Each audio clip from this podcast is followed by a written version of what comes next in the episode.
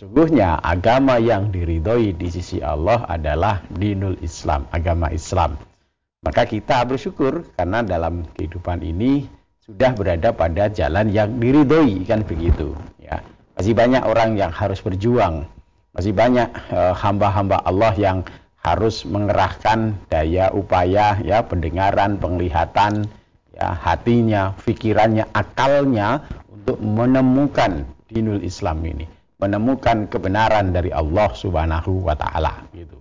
Tidak peduli dia sekolahnya S1, S2, S3, tidak peduli pekerjaannya apakah e, buruh, apakah manajer, apakah direktur, banyak yang harus berjuang untuk sampai kepada al-haq kebenaran dari Allah Subhanahu wa taala.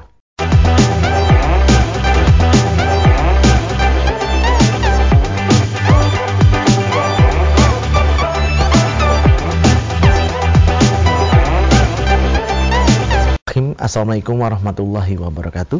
Saudara pemirsa channel terpilih MTA TV di mana pun Anda berada Puji syukur Alhamdulillah senantiasa kita panjatkan kehadirat ilahi Rabbi Allah subhanahu wa ta'ala Atas genap karunia nikmat dan juga rahmatnya untuk kita semua Di perjumpaan awal aktivitas pagi hari ini. Kita jumpa kembali di program unggulan Fajar Hidayah. Dan Alhamdulillah sudah hadir Ustadz Dr. Insinyur Didik Joko Susilo STMT IPM yang nanti akan melanjutkan pelajaran sekaligus memberikan pencerahan untuk kita semua di kesempatan kali ini. Assalamualaikum warahmatullahi wabarakatuh Ustaz. Waalaikumsalam warahmatullahi wabarakatuh. Kabar baik dan sehat pagi ini Ustaz? Alhamdulillah sehat. Alhamdulillah. Tommy sehat juga. Alhamdulillah nah, sehat. Kita sudah kita bisa tatap muka ini ya. Betul. Alhamdulillah kita bersyukur. Dan pemirsa nanti bisa bergabung bersama kami di line telepon 0271 6793000 SMS dan juga di WA kami di 08 11 255 3000. Kita simak pelajaran kita pagi ini. Baik. Bismillahirrahmanirrahim. Alhamdulillah alladzi arsala rasulahu bil huda wa dinil haq liyudhhirahu ala dini kullih walau karihal musyrikun. Satu la ilaha illallah wahdahu la syarikalah wa satu anna Muhammadan abduhu wa rasuluh.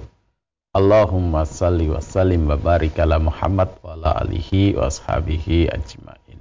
Amma ba'd. Kaum muslimin muslimat rahimakumullah, pemirsa MTA TV, pendengar Persada FM, MTA FM. Alhamdulillah kita bersyukur kepada Allah Subhanahu wa taala. Kita dibangkitkan lagi oleh Allah, dibangunkan lagi oleh Allah dari tidur kita semalam Alhamdulillah kita bangun dalam keadaan masih beriman kepada Allah Subhanahu wa taala. Kita uh, ingat seruan Allah, panggilan Allah di pagi hari tadi ya. Uh, untuk melaksanakan ibadah sholat uh, subuh kemudian pada pagi hari ini uh, yang sudah menyimak uh, acara Fajar Hidayah di MTA TV ini di Persada FM tentu eh, maknanya hatinya berarti masih ingat kepada Allah Subhanahu wa taala. Masih menyadarkan diri kita bahwa kita ini hambanya Allah Subhanahu wa taala yang dihadirkan oleh Allah Subhanahu wa taala dalam kehidupan ini untuk beribadah kepada Allah Subhanahu wa taala. Senantiasa kita tanamkan pada diri kita bersama ini ya bahwa Allah Subhanahu wa taala ciptakan kita, hadirkan kita uh, untuk beribadah kepada Allah Subhanahu wa taala sebagaimana firman-Nya yang sering kita uh, baca bersama-sama. A'udzubillahi minasyaitonirrajim. Wa ma khalaqtul jinna wal insa illa liya'budun. Dan tidaklah aku ciptakan jin dan manusia melainkan untuk menghambakan diri, mengabdi kepadaku. Nah, ketika kesadaran itu ada, kita patut bersyukur kepada Allah Subhanahu wa taala bahwa kita diberi hidayah. Tidak tidak semua manusia mendapat kesempatan mendapat uh, uh, hidayah dari Allah Subhanahu wa taala. Maka kita wajib mensyukurinya bahwa kita dijadikan sebagai hamba yang muslim, hamba yang mukmin, hamba yang beriman, hamba yang memeluk uh, agama Islam. Karena Allah sudah uh, tegaskan dalam firman-Nya, "Innad dina indallahil Islam." Nah, sesungguhnya agama yang diridhoi di sisi Allah adalah dinul Islam, agama Islam. Maka kita bersyukur karena dalam kehidupan ini sudah berada pada jalan yang diridhoi kan begitu ya. Masih banyak orang yang harus berjuang. Masih banyak eh, hamba-hamba uh, Allah yang harus mengerahkan daya upaya ya pendengaran, penglihatan, ya hatinya, pikirannya, akalnya untuk menemukan dinul Islam ini, menemukan kebenaran dari Allah Subhanahu wa taala gitu. Tidak peduli dia sekolahnya S1, S2, S3, tidak peduli pekerjaannya apakah e, buruh, apakah manajer, apakah direktur, banyak yang harus berjuang untuk sampai kepada al-haq kebenaran dari Allah Subhanahu wa taala. Nah, ini ini tidak mudah kan. Kita banyak lihat orang yang e, dalam pandangan kehidupan di dunia ini cerdas, pinter ya, kemudian diberi e, nikmat rizki yang banyak, cukup begitu, tetapi tidak bisa menemukan kebenaran e, dinul Islam ini. Tidak bisa kemudian meyakini Allah Subhanahu wa taala sebagai pencipta e, dirinya. Tidak bisa menemukan bahwa Allah Subhanahu wa taala yang menganugerahkan berbagai kenikmatan dalam kehidupannya begitu. Tidak bisa menemukan satu keyakinan bahwa ketika pada akhirnya dalam perjalanan hidupnya dia akan kembali kepada Allah Subhanahu wa taala. Tentu kemudian kita yang sudah memperoleh hidayah tersebut wajib bersyukur. Ya, salah satu bentuk kesyukuran kita itu adalah wajib menjaga nikmat tersebut. Gitu. Ya, karena kalau kita tidak e, jaga nikmat itu, tentu kemudian e, tidak ada jaminan bahwa nikmat itu akan senantiasa ada pada kita terus. Maka kewajiban kita untuk menjaga, menjaga itu kan, memelihara. Nah, salah satunya tentu e, harus kita jaga nikmat tersebut dengan amal soleh gitu. Nikmat hidayah e, Islam, e, hidayah iman ini tentu harus kita jaga tadi dengan amal soleh. Ya. Maka e, dalam perjalanan kita, kehidupan kita sampai menuju kembali kepada Allah Subhanahu Wa Taala, terus meneruslah kita jaga diri kita karena rasa khauf kita kepada Allah Subhanahu wa taala, rasa kesadaran kita akan bahwa kita ini hambanya Allah Subhanahu wa taala. Nah, melanjutkan yang kemarin sudah kita mulai bahwa uh, asar dari uh, puasa yang kita lakukan di bulan Ramadan tentu tidak boleh kemudian selesai Ramadan uh, berhenti amalnya kan seperti itu ya manakala Ramadan kemarin Allah Subhanahu wa taala beri nikmat lagi yang luar biasa di dalam penjagaan iman takwa nikmat tersebut dengan uh, berbagai amal yang uh, apa ya sangat ringan untuk kita lakukan begitu yang memotivasi menghasung hati kita untuk sedemikian uh, rupa untuk beramal sehingga uh, tercapailah derajat orang yang bertakwa kepada Allah Subhanahu wa taala. Nah, Nah tentu kemudian e, berikutnya sekarang e, ada perjuangan kita lagi ya, tidak stop, tidak berhenti begitu. Jadi di dalam dinul kita, di dalam agama kita itu nggak ada ya. Ketika kita masih Allah beri kesempatan hidup di dunia, bernapas di dunia, e, katakanlah kita, oh saya sudah e, melakukan satu amal yang keutamaannya luar biasa, terus kemudian stop berhenti, nggak ada konsep seperti itu. Yang ada harus terus menerus konsisten, continue untuk kita beramal terus sampai kita kembali kepada Allah Subhanahu wa taala. Ya, maka diperintahkan kita senantiasa bertakwa kepada Allah Subhanahu wa taala. Kemudian eh, pada akhirnya eh, wala tamutunna illa wa antum muslimun. Jangan kamu sekali-kali mati kecuali dalam keadaan berserah diri kepada Allah Subhanahu wa taala maknanya terus-meneruslah kita menjaga amal kita, menjaga perbuatan baik kita, menjaga diri kita dari melakukan perbuatan yang e, buruk yang dilarang oleh Allah Subhanahu wa taala. Jadi ada satu apa namanya? konsistensi kita begitu. Tidak boleh kita melakukan satu amal kemudian stop berhenti, tidak boleh gitu. Nah ini terus menerus gitu kan, dan ini mengiringi terus karena e, ketika kita amal kita berhenti maka imannya juga nanti akan turun keyakinannya kepada Allah nanti akan turun bisa jadi satu saat hilang begitu nah maka e, kaum muslimin muslimat yang dirahmati Allah subhanahu wa ta'ala e, kita terus harus ya ketika e, sudah kemarin di bulan Ramadan e, merasa e, nikmatnya ya beribadah, nikmatnya menghambakan diri kepada Allah Subhanahu wa taala, maka e, berikutnya ya kita harus terus-menerus konsisten menjaga nikmat itu gitu. Nah, kita tahu bahwa di dalam e, perjalanan kehidupan kita yang di depan kita itu adalah fitnah gitu kan, ujian gitu. Ya. Nah, dengan e, iringan ujian dengan kesadaran bahwa dalam perjalanan kita yang di depan kita itu adalah fitnah, yang di depan kita itu ujian, maka kemudian kita dituntut untuk kehati-hatian kita, gitu kan? Dituntut untuk waspada kita, begitu.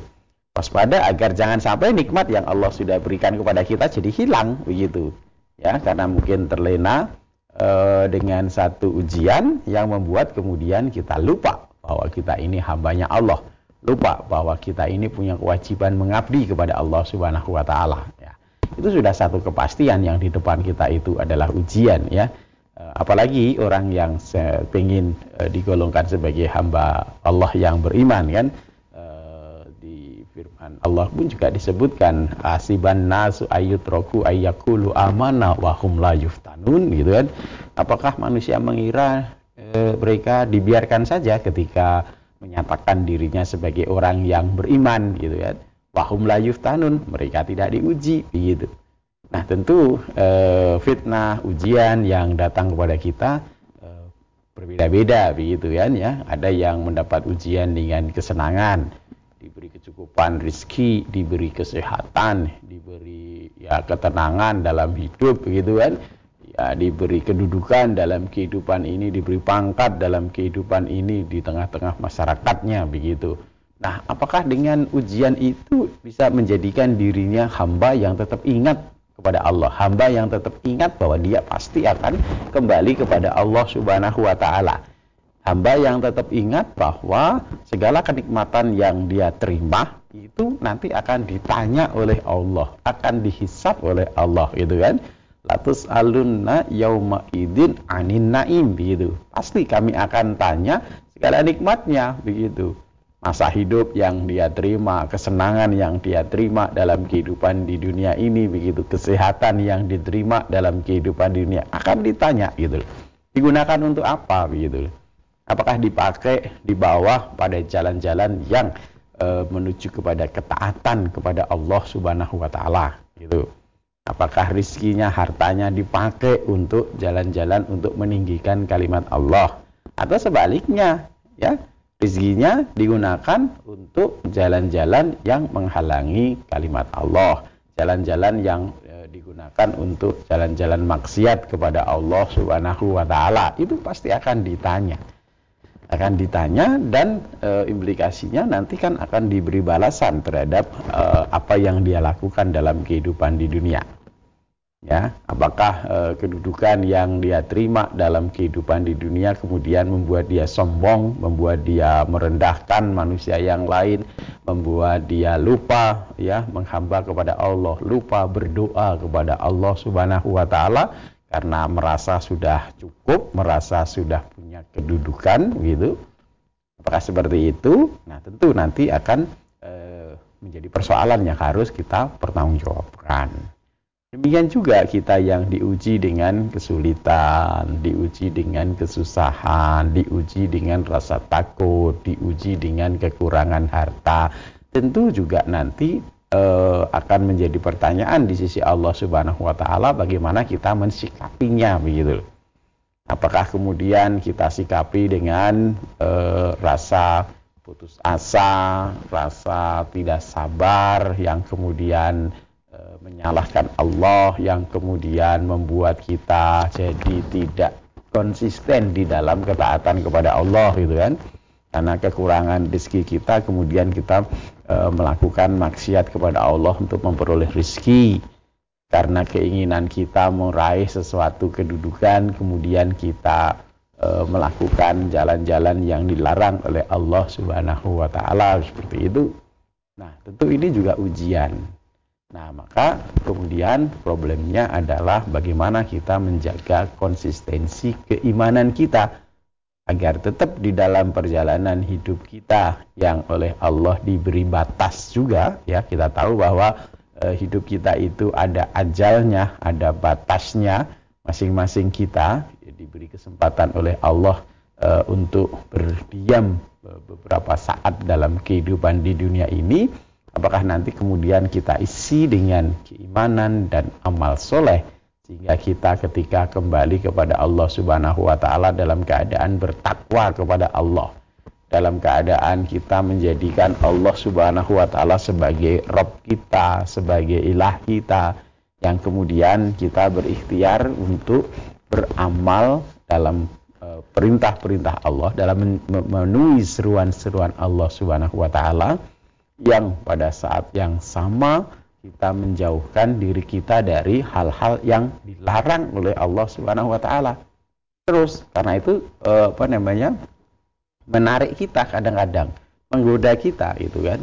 Hal-hal yang dilarang oleh Allah Subhanahu wa taala yang dalam bahasa agama kita sebut maksiat ya, e, mengambil yang bukan haknya atau misalkan korupsi ya, pergaulan bebas, berzina, selingkuh, ya, bermaksiat kepada Allah Subhanahu wa taala. Itu kadang-kadang menarik gitu kan. Kadang-kadang sepertinya indah begitu.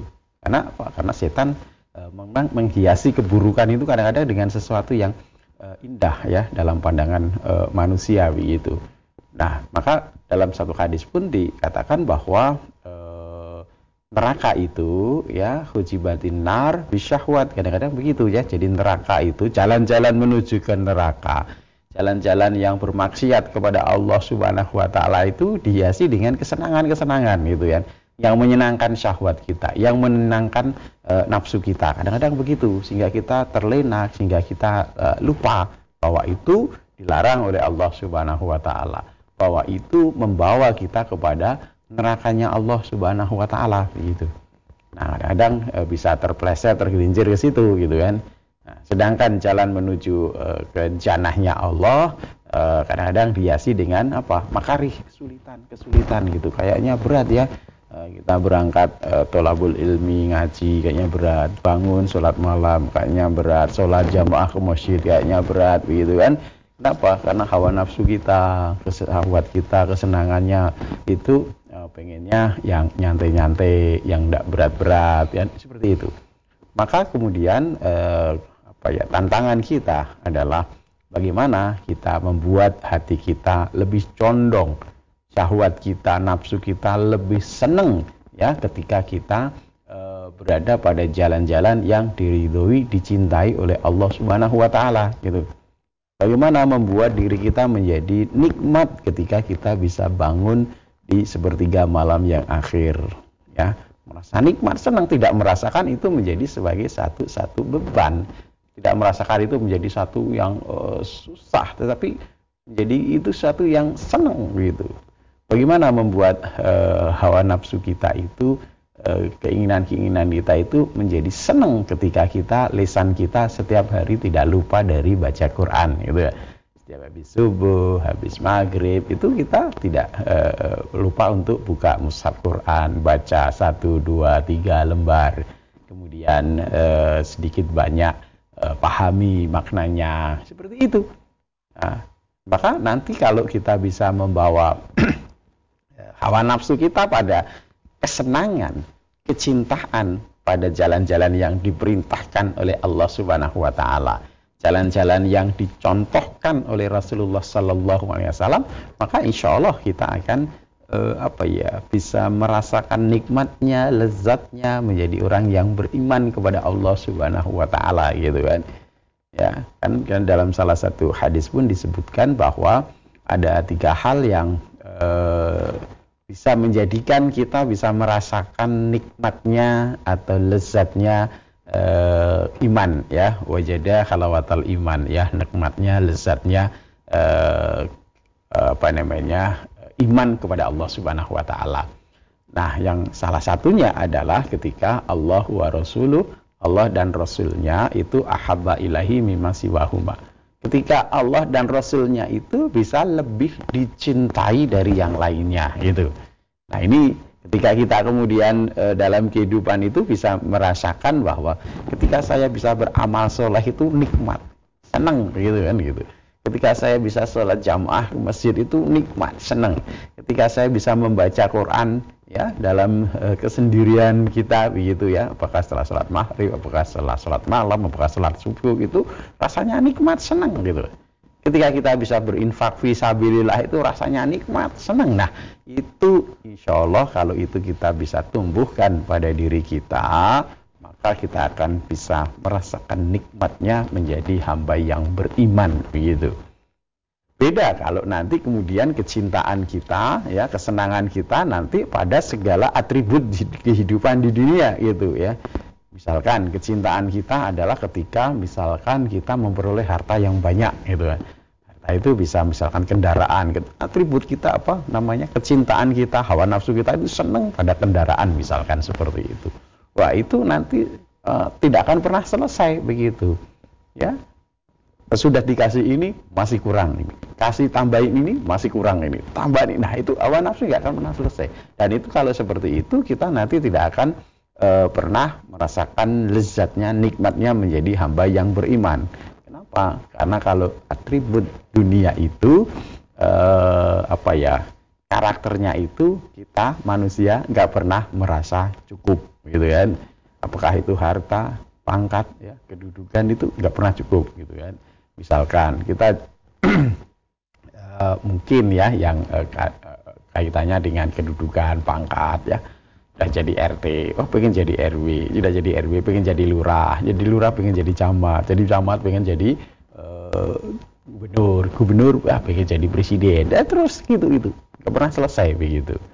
Nah maka kita kita ketika kemudian bisa mengarahkan uh, kesenangan, keinginan kita itu pada tadi kesenangan, kecintaan uh, di jalan-jalan Allah Subhanahu wa taala ya, merasa nikmat ketika kita bisa menghambakan diri kepada Allah apakah dengan sholat kita, apakah dengan puasa kita, apakah dengan uh, sedekah kita, apakah dengan zikir kita gitu ketika itu kemudian kita lakukan dengan uh, penuh kenikmatan, penuh kesenangan, maka insya Allah kita sudah bisa merasakan uh, lezatnya iman. Yang dengan demikian kemudian maka uh, takwa itu akan senantiasa ada pada kita. Karena takwa komponennya adalah iman, yakinnya kepada Allah, yakinnya kepada Rasul, ya ada nilai, nilai iman di sana yang kemudian diikuti dengan amal-amal soleh. Saya kira demikian, mudah-mudahan bisa mengingatkan kita bersama. Ya. Baik pemirsa, kami harapkan Anda sudah bisa bergabung bersama kami di line telepon 02716793000. SMS dan juga di WA kami di 08112553.000. Namun sebelumnya kita akan simak beberapa informasi dalam rangkaian jeda pariwara berikut ini. Saat channel terpilih MTA TV di mana pun Anda berada, terima kasih Anda masih setia bersama kami khususnya di program unggulan Fajar Hidayah pagi ini.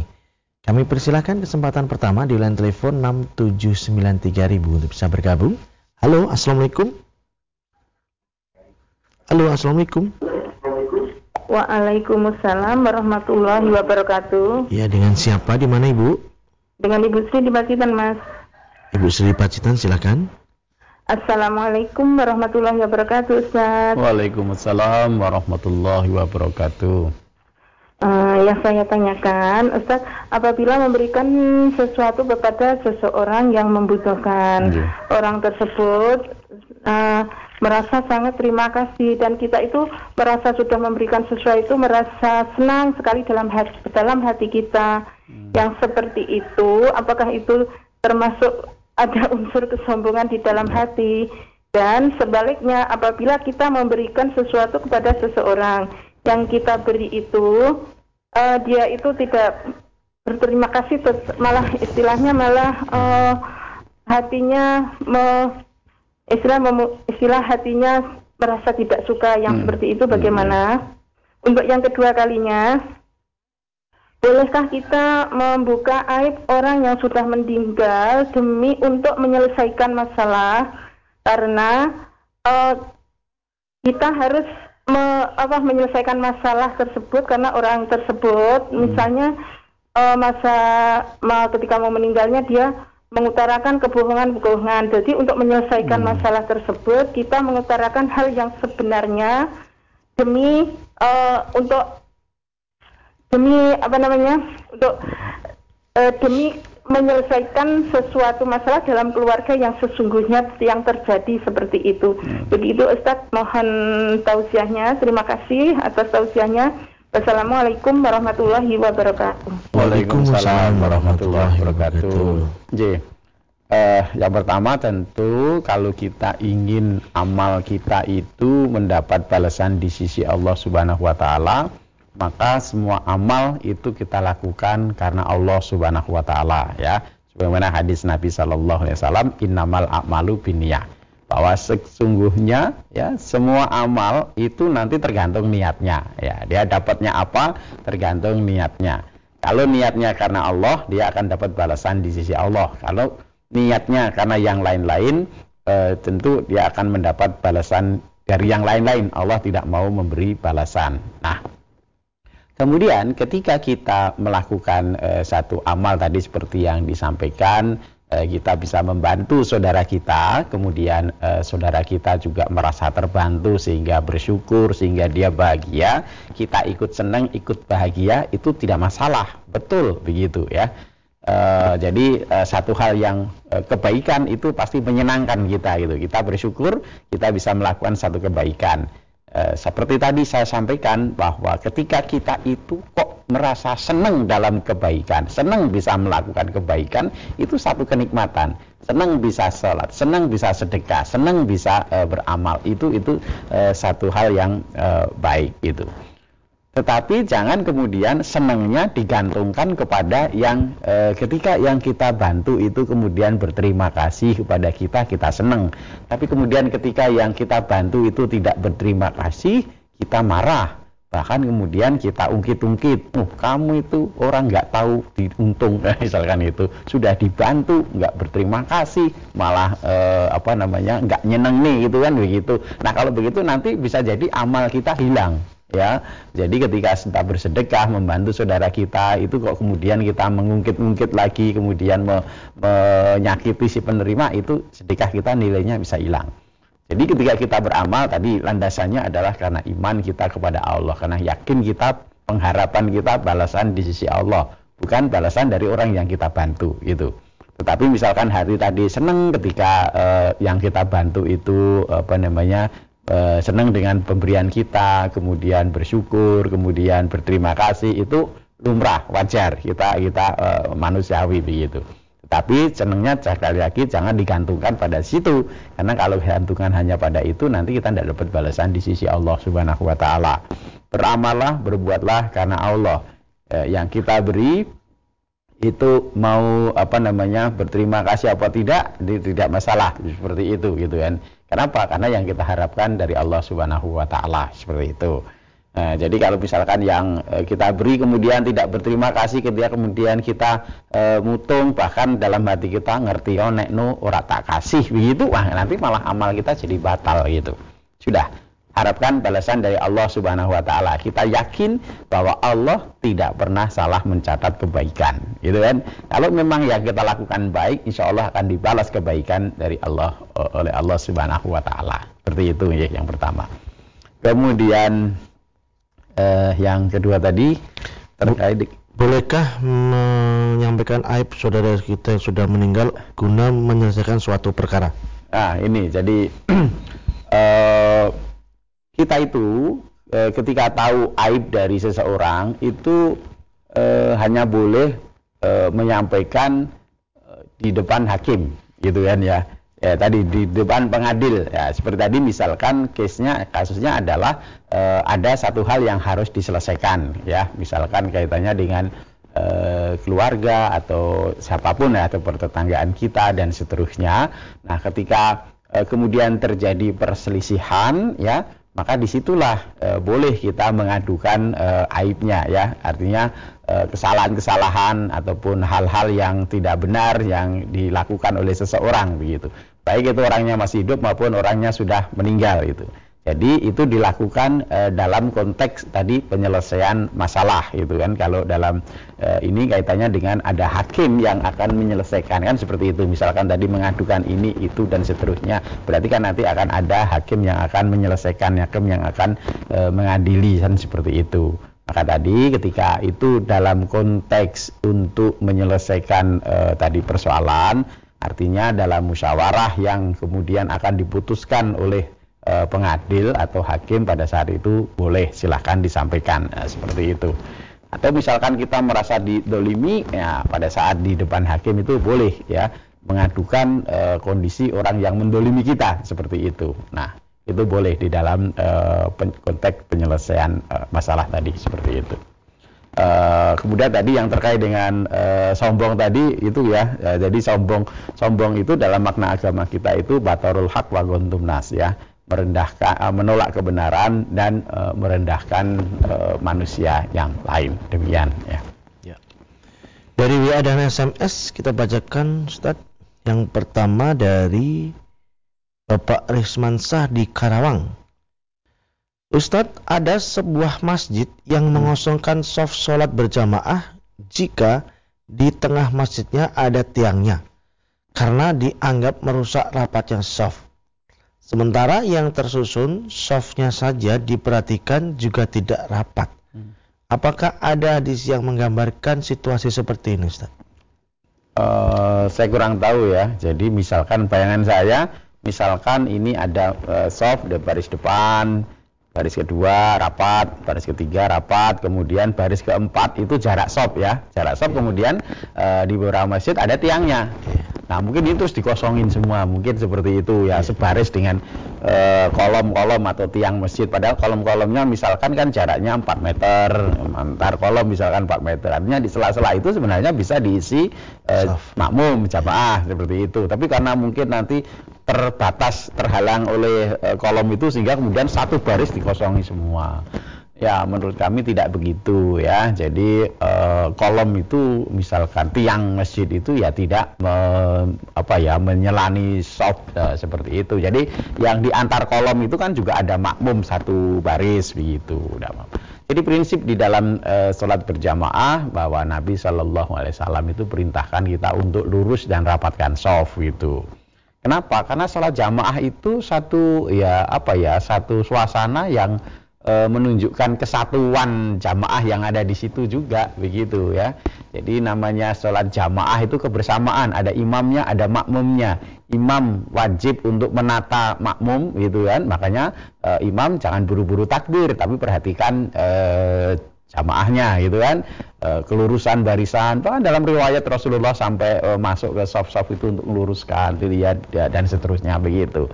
Kalau kita biasanya hanya suhu suhu fakum wah gitu.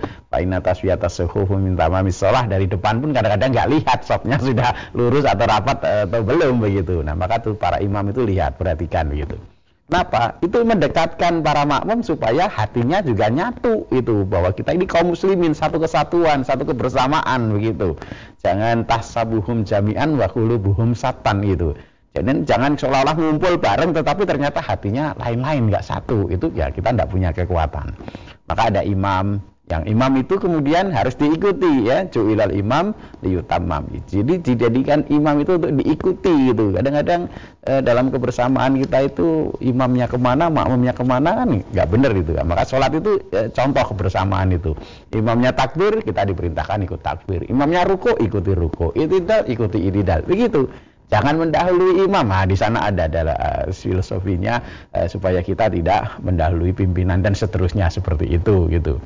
Nah, tetapi ketika imamnya salah pun, maka di sana ada tuntunan makmum wajib mengingatkan. Nah, itu suasana itu yang e, mestinya e, terjaga sehingga kemudian salah satunya adalah tuntunan tadi meluruskan, merapatkan soft gitu. Jadi jangan misalkan e, nanti kolom itu tentu tidak memba, mem, apa namanya menghalangi untuk kemudian memutus sop. Memang struktur bangunannya ada kolom ya nanti di antara kolom itu eh, makmumnya berbaris lagi di situ kemudian. Saya kira tidak masalah itu kalau ada kolom-kolomnya gitu. Baik.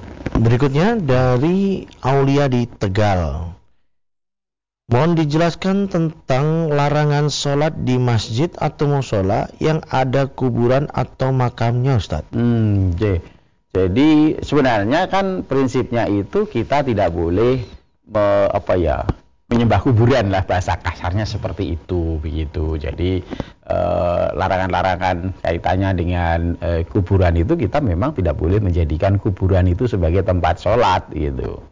Nah, tetapi di beberapa uh, apa namanya uh, masjid itu itu ataupun kemudian juga terkait dengan uh, perluasan masjid seperti kita lihat di Masjid uh, Nabawi di Madinah itu kan uh, dulu masjidnya kecil kemudian Rasulullah dimakamkan di uh, samping masjid itu kan seperti itu. Bukan di bukan di dalam masjid kemudian kita menyembah makam bukan begitu ya. Jadi uh, prinsipnya sebenarnya kita tidak boleh uh, apa namanya meng, apa ya mengkultuskan kuburan lah seperti itu menjadikan itu sebagai apa namanya tempat keramat dan seterusnya sehingga kemudian kita jadikan untuk uh, sholatnya menghadap kuburan, sholatnya di kuburan dan seterusnya itu yang tidak boleh sebetulnya ya. Tetapi misalkan di masjid yang uh, dulu misalkan di samping masjid eh, itu ada uh, makam dari mungkin bisa jadi pendiri masjid itu atau yang lain orang yang dimuliakan di situ, orang alimnya di situ yang eh, kemudian dimakamkan di samping masjid, kemudian karena satu hal sehingga masjidnya dengan perkembangan jamaah kemudian diluaskan dan seterusnya e, sehingga di situ ada di sekarang yang kita dapati di masjid itu ada makamnya itu sebenarnya tidak masalah ya tidak masalah kita e, sholat di e, masjid tersebut begitu.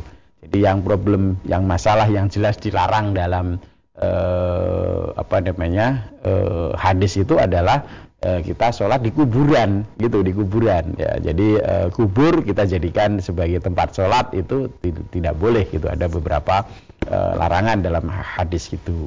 Tapi ini kan tadinya masjid itu ya. Tadi tadinya masjid uh, kemudian ada mungkin yang uh, mewakafkan masjid atau yang ulama di situ nah, kemudian meninggal nah, dimakafkan tadinya di samping masjid gitu kan Eh, tetapi karena perkembangan masjid, perkembangan jamaah sehingga kemudian masjidnya diperluas, diperlebar sehingga makam itu yang tadinya di eh, samping masjid menjadi bagian di dalam masjid, begitu eh, kita sholat di situ ya tidak masalah, tidak mengapa begitu. Ya, masih ada kesempatan satu lagi Ustaz dari Bapak Adi di Trenggalek. Mau dijelaskan Ustaz, bagaimana bacaan sujud sahwi tilawah, juga bacaan sujud syukur. Karena setiap saya menyimak tayang ulang pengajian oleh almarhum Alusa Sukino, cukup cuma dijelaskan kalau lupa jumlah rakaat dalam sholat kita diwajibkan sujud sahwi. Hmm. Tapi tidak diajarkan bacaannya. Tapi tidak diajarkan bacaannya bagaimana. Oh. Mohon dijelaskan Ustaz. Jadi kaitannya dengan sujud eh, sahwi, ya sujud sahwi ya di yeah. sama sujud eh, syukur dan yeah, sujud tilawah. Eh, tilawah. Ya.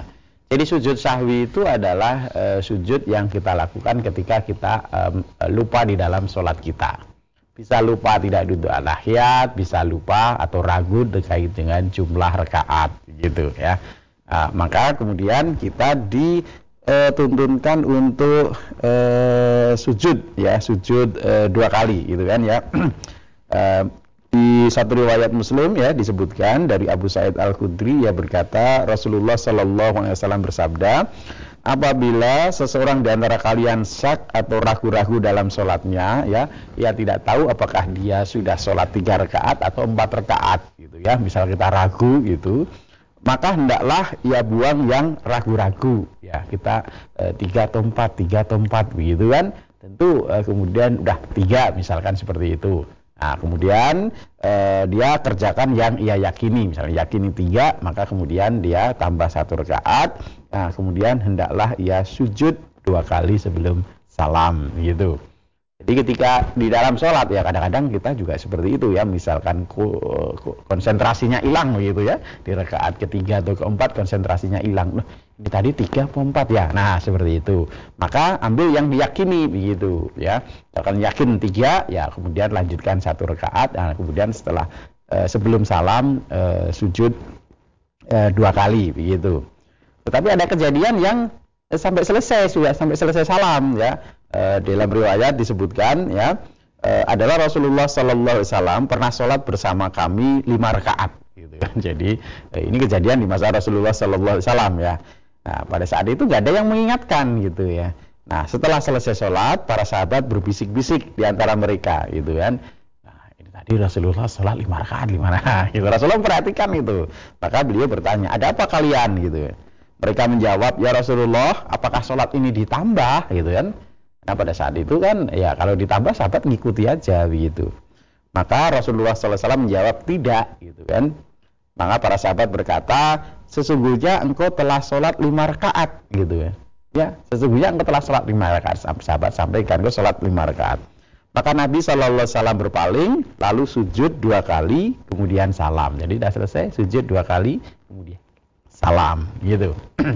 Itu kalau sudah kelebihan selesai. Nah, kalau kekurangan, ya, kekurangan dalam riwayat juga disebut ini kan. nah, dari Imran bin Husain bahwa Rasulullah SAW pernah sholat asar lalu salam pada rakaat ketiga. Gitu jadi sholat asar itu kan harusnya empat rakaat ya. Kemudian e, beliau sholat asar itu rakaat ketiga sudah salam. Kemudian selesai salam beliau masuk ke rumah rumah beliau rumah sekali lagi rumah beliau kan di samping masjid gitu kan maka salah seorang sahabat yang bernama Khirbak memanggil Rasulullah SAW kemudian menceritakan bahwa beliau e, sholat tiga rakaat lalu salam begitu kan. Nah beliau kemudian mengkonfirmasi kepada orang banyak gitu kan ya. Betulkah orang ini gitu kan betulkah saya sholat tiga rakaat eh, salam? Maka kemudian para sahabat menjawab e, betul ya, para sahabat menjawab betul gitu kan nah kemudian e, Rasulullah SAW sholat satu rakaat ya jadi kan tadi empat rakaat harusnya baru dikerjakan tiga. Maka beliau sholat e, nambah ya sholat satu rakaat ya berarti genep empat lalu salam gitu kan. Jadi sholat satu rakaat salam berarti sudah genap empat. Kemudian sujud sahwi dua kali gitu ya. Jadi setelah selesai tambah satu rakaat sampai salam tadi sujud dua kali. Nah kemudian salam lagi begitu jadi uh, ini jadi kelebihan kalau kalian tidak kelebihan lima rakaat harusnya empat lima rakaat yang nggak ditambah lagi uh, sujud uh, sahwi dua uh, dua kali begitu kemudian salam nah kalau kekurangan tiga maka kemudian tambah satu rakaat salam, nah kemudian e, sujud dua kali salam. Itu sujud sahwi. Nah, dalam riwayat-riwayat tidak ada tuntunan e, kaitannya dengan e, bacaan sujud sahwi. Maka ini yang dipentingkan sujudnya ya. Jadi e, kita tidak ketemukan ada riwayat e, yang e, apa namanya Nabi SAW mengajarkan bacaan sujud sahwi. Karena tidak ada riwayat ya yang penting sujudnya itu. Yang sujud sahwi. Kemudian sujud syukur itu adalah e, sujud karena kita mendapat e, nikmat ya. Di, diriwayatkan bahwa Nabi SAW beliau dahulu apabila mendapat kabar yang menyenangkan atau diberi kabar gembira, beliau lalu menyungkur sujud untuk bersyukur kepada Allah. Nah itu. Jadi ketika kita memperoleh satu kenikmatan, kesenangan, ya lulus, menang, misalkan pertandingan sepak bola ke mana atau apa itu menang sujud, nah tidak. Nah, ada, tidak ada riwayatnya bacaannya seperti apa. Nah seperti itu. Sujud sujud syukur itu juga sujud, ya, tidak ada e, riwayat bacaannya. nah, kemudian e, sujud tilawah ya. Nah, sujud tilawah itu adalah sujud di waktu membaca atau mendengar ayat-ayat sajadah. Jadi kalau di mushaf Quran kita itu ada ayat yang di ujungnya itu kemudian ada ditandai apa ya kayak mihrab ya kayak bibar seperti itu uh, itu tandanya itu ayat sajadah gitu. Nah, ketika kita uh, membaca ayat itu maka ada tuntunannya sujud. Tidak sujud pun juga tidak mengapa, itu hukumnya uh, sunnah gitu. uh, nanti bisa dicek uh, daftar ayat-ayat uh, sajadahnya gitu ya. nah, kalau sujud sajadah ini ada tuntunan e, bacaannya ya. Bacaannya sajadah wajhi lilladzi khalaqahu wa saqqa sam'ahu bi qaulihi wa quwwatih gitu ya. Dalam sebuah riwayat hadis e, Tirmidzi disebutkan ya. Adalah Nabi SAW membaca pada sujud Al-Qur'an atau sujud tilawah tadi sajadah wajhi lilladzi khalaqahu wa saqqa sam'ahu wa basarahu bihaulihi wa quwatih. Ya. Bersujud diriku kepada Tuhan yang telah menciptakannya dan membuatnya mendengar dan melihat dengan kekuatan dan kekuasaannya. Jadi yang ada bacaannya adalah ketika kita melakukan sujud tilawah itu. Demikian uh, Bapak. Ya. Baik, kami sampaikan terima kasih atas penjelasan dan juga pelajarannya Ustaz. Assalamualaikum warahmatullahi wabarakatuh. Waalaikumsalam warahmatullahi wabarakatuh. Baik, saudara pemirsa channel terpilih MTA TV di mana pun Anda berada. Demikian tadi telah kita simak dan bersama program unggulan Fajar Hidayah pagi ini. Kita jumpa kembali di kesempatan mendatang dan saya Tamil Fatoni pamit undur. Alhamdulillahirrahmanirrahim. Subhanakallahumma wa bihamdika.